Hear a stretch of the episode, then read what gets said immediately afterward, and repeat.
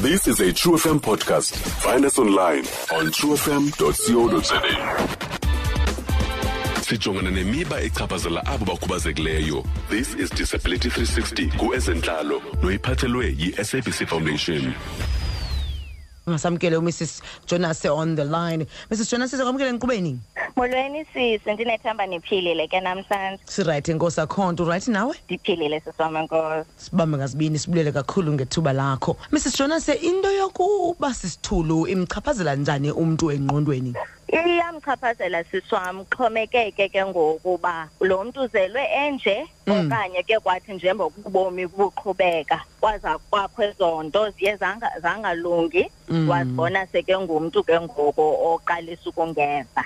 Yes. so mntu ngamntu ke ngoku imchaphazela ngendlela ezahlukileyo. Alright. ngehlobo lento yokubana noko xa uzelwe nayo akubi nzima kakhulu ukuyiqhela. Ndiyakuva. qha nje uye uthi xa ukhula ubona into yokubana ikhona into endahlulayo mna endenza ndohluke kwaba bantu ndikhula nabo Mm. okanye kwaba bantu ndihlala nabo Yes. oye athi ke ngoku yenzeke seke emdala masise mhlambe beke weva Mm. wazibona ke ngoku seke ngumntu ongeva kakuhle uba nezo challenges zento yokubana ke ngoku ndiye ubomi bam ndibutshintsha njani. Ukuzama into yokubana ndikwazi uphila nale nto ithi loo nto funeka ndifunde indlela ezahlukileyo zothetha nabantu endihleli nabo esikolweni nabo funeke befundile Mm. ngamanye amathuba ke ngoku laa mntu uye azibone eyedwa kuba uyakwazi uthi uzama ukuthetha into kodwa ingavakali le nto uzama uyithetha Yeah. okanye ufuna loo nto uyifunayo but abantu ohleli naba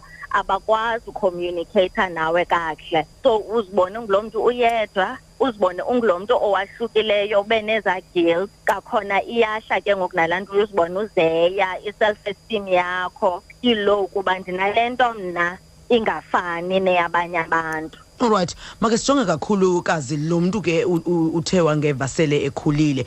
Eh ufu- ukubona ngamanye amaxesha mhlawumbe ufumanisa uba umuntu u- u- umuntu osisithulu unomsindo ukhawuleza adikwe ngokukhawuleza. Mhlawumbe noba yintoni lanto yenza la eh, yoba abe irritated.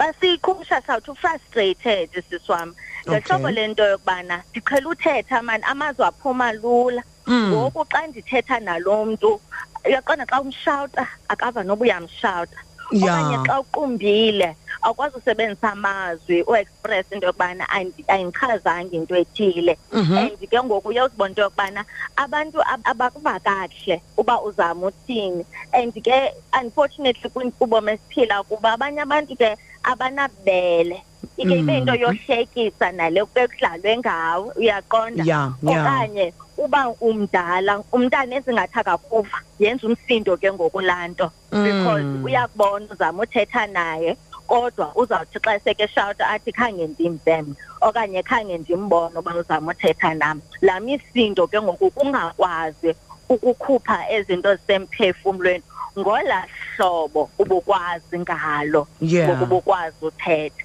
ibe wese nakakhulu xa apho uhleli khona abantu uhleli nabo ayingobantu abakwaziyo uthetha nomntu okule ngxaki okuyo. Mm. ngoku ke ngoku nesiyayiqonda ibalulekile mos i-communication ntoba sivane xa sithetha. So xa singavani xa sithetha iinto ezininzi ziba nzima.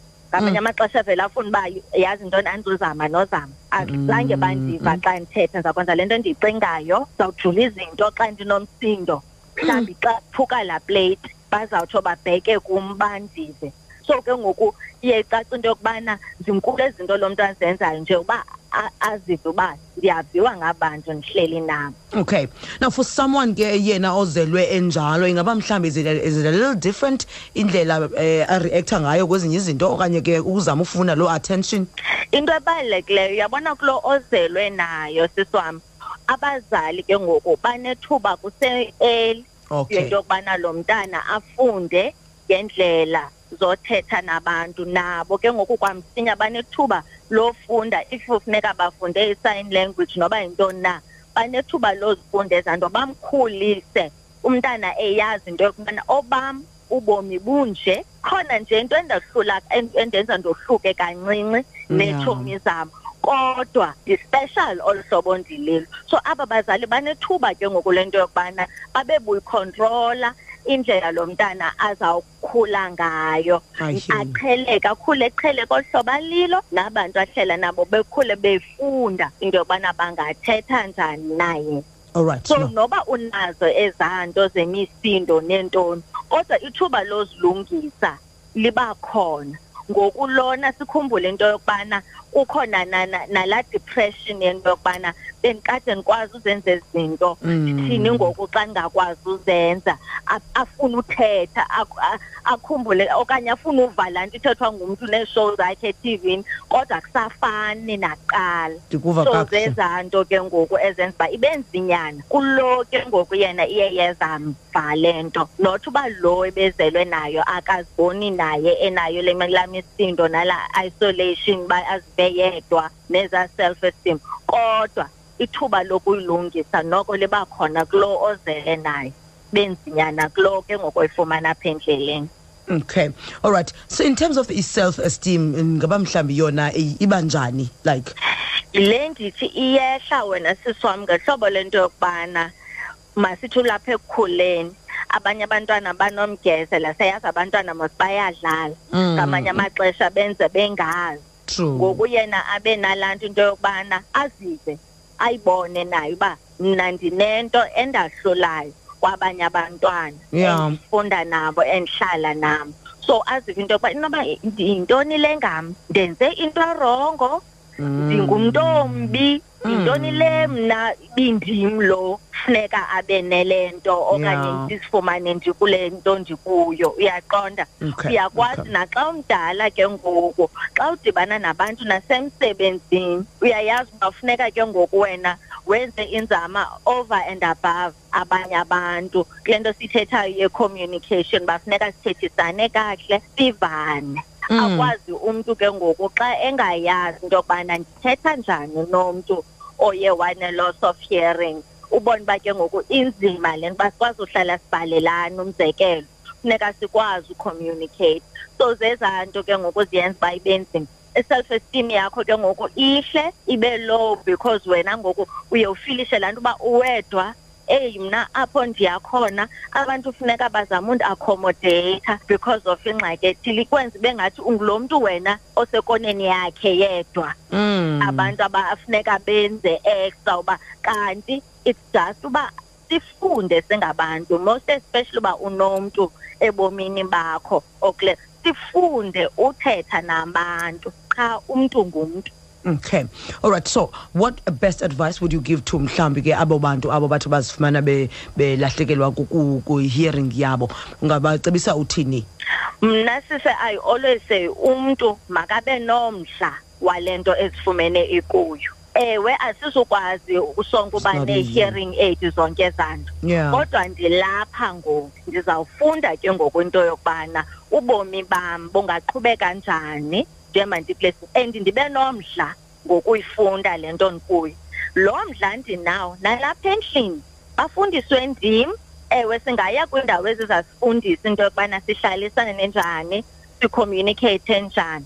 But isonwabisa into yokubana sizawufundisana. Hayi kaloku siyamazi into yokubana lo funeka sithi sithi sifundisane. Akho nto into odlula ufunda nokuvuma into yokubana ndilapha ngoku. Indlela ebheka phambili yam ithini? Ndibe nomdla ndifunde ubomi abuphelanga kwaye nezinto ubuzenza usenozenza. Nezinto ubuzicinga usenozenza.